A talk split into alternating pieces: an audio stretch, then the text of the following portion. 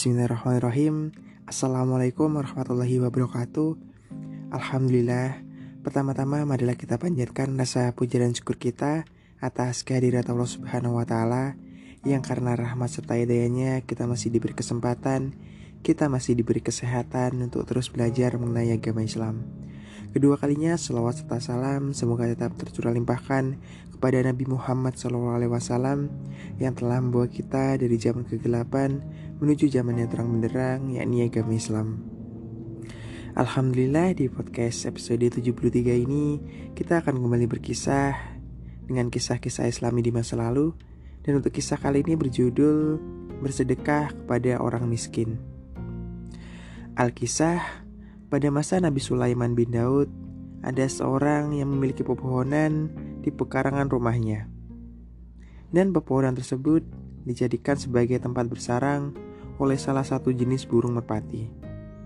Lantas, istrinya berkata kepadanya, "Naiklah ke atas pohon itu dan ambillah anak burung merpati tersebut untuk memberi makan anak-anak."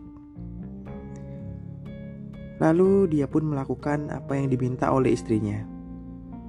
Melihat hal itu, lantas induk burung merpati mengeluh kepada Nabi Sulaiman. Lalu Nabi Sulaiman memanggil orang tersebut dan mengancam akan menghukumnya jika dia kembali mengulangi lagi. Lantas, orang itu berjanji tidak akan mengulanginya. Kemudian burung merpati tersebut kembali bertelur dan menetaskannya. Ambillah anak burung merpati itu, kata si istri kepadanya. Tapi Nabi Sulaiman telah melarangku, jawab sang suami. Apakah engkau pikir Raja Sulaiman memang punya waktu untuk mengurusi engkau dan burung merpati itu? Dia itu sudah sangat sibuk dengan urusan kerajaannya. Jawab istri, Lantas, dia pun menuruti keinginan istrinya tersebut. Dia naik ke atas pohon dan mengambil anak burung merpati tersebut. Mengetahui hal itu, lantas induk burung merpati kembali datang mengadu kepada Nabi Sulaiman. Mendengar pengaduannya itu, Nabi Sulaiman langsung marah.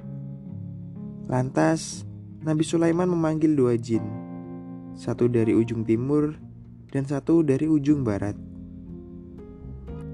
Kamu berdua saya tugaskan untuk menunggui dan mendiami pohon, demikian dan demikian. Jika orang itu berani naik pohon itu dan mengambil anak burung merpati yang ada di sana, pegang kedua kakinya, lalu tarik ke arah yang berlawanan hingga tubuhnya terbelah menjadi dua bagian. Kemudian, bawa separuhnya tubuhnya ke ujung timur dan separuhnya lagi ke ujung barat.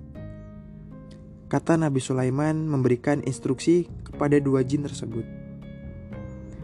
Lantas, kedua jin itu pergi ke pohon yang dimaksud dan menungguinya. Kemudian pada saat anak burung merpati sudah tumbuh besar dan siap untuk terbang meninggalkan sarangnya, orang tersebut lantas bersiap-siap naik ke pohon itu untuk mengambilnya. Tiba-tiba datang seorang pengemis di depan pintu rumahnya. Tolong beri dia sesuatu, kata orang itu kepada istrinya. Saya tidak punya apa-apa yang bisa diberikan kepadanya, jawab si istri. Lantas orang itu kembali ke dalam rumah sejenak dan masih menemukan sepotong roti. Lalu dia berikan sepotong roti itu kepada si pengemis tersebut. Kemudian dia kembali ke pohon dan langsung naik ke atasnya lalu mengambil anak burung merpati yang ada di sana. Melihat hal itu, si burung merpati induk kembali menemui Nabi Sulaiman dan mengadukan hal tersebut.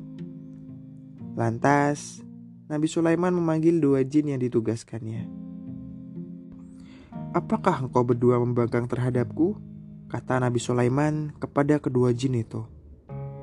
Tidak, sama sekali tidak. Kami sudah menunggui pohon itu Lalu ketika orang itu hendak naik ke pohon, ada seorang pengemis datang.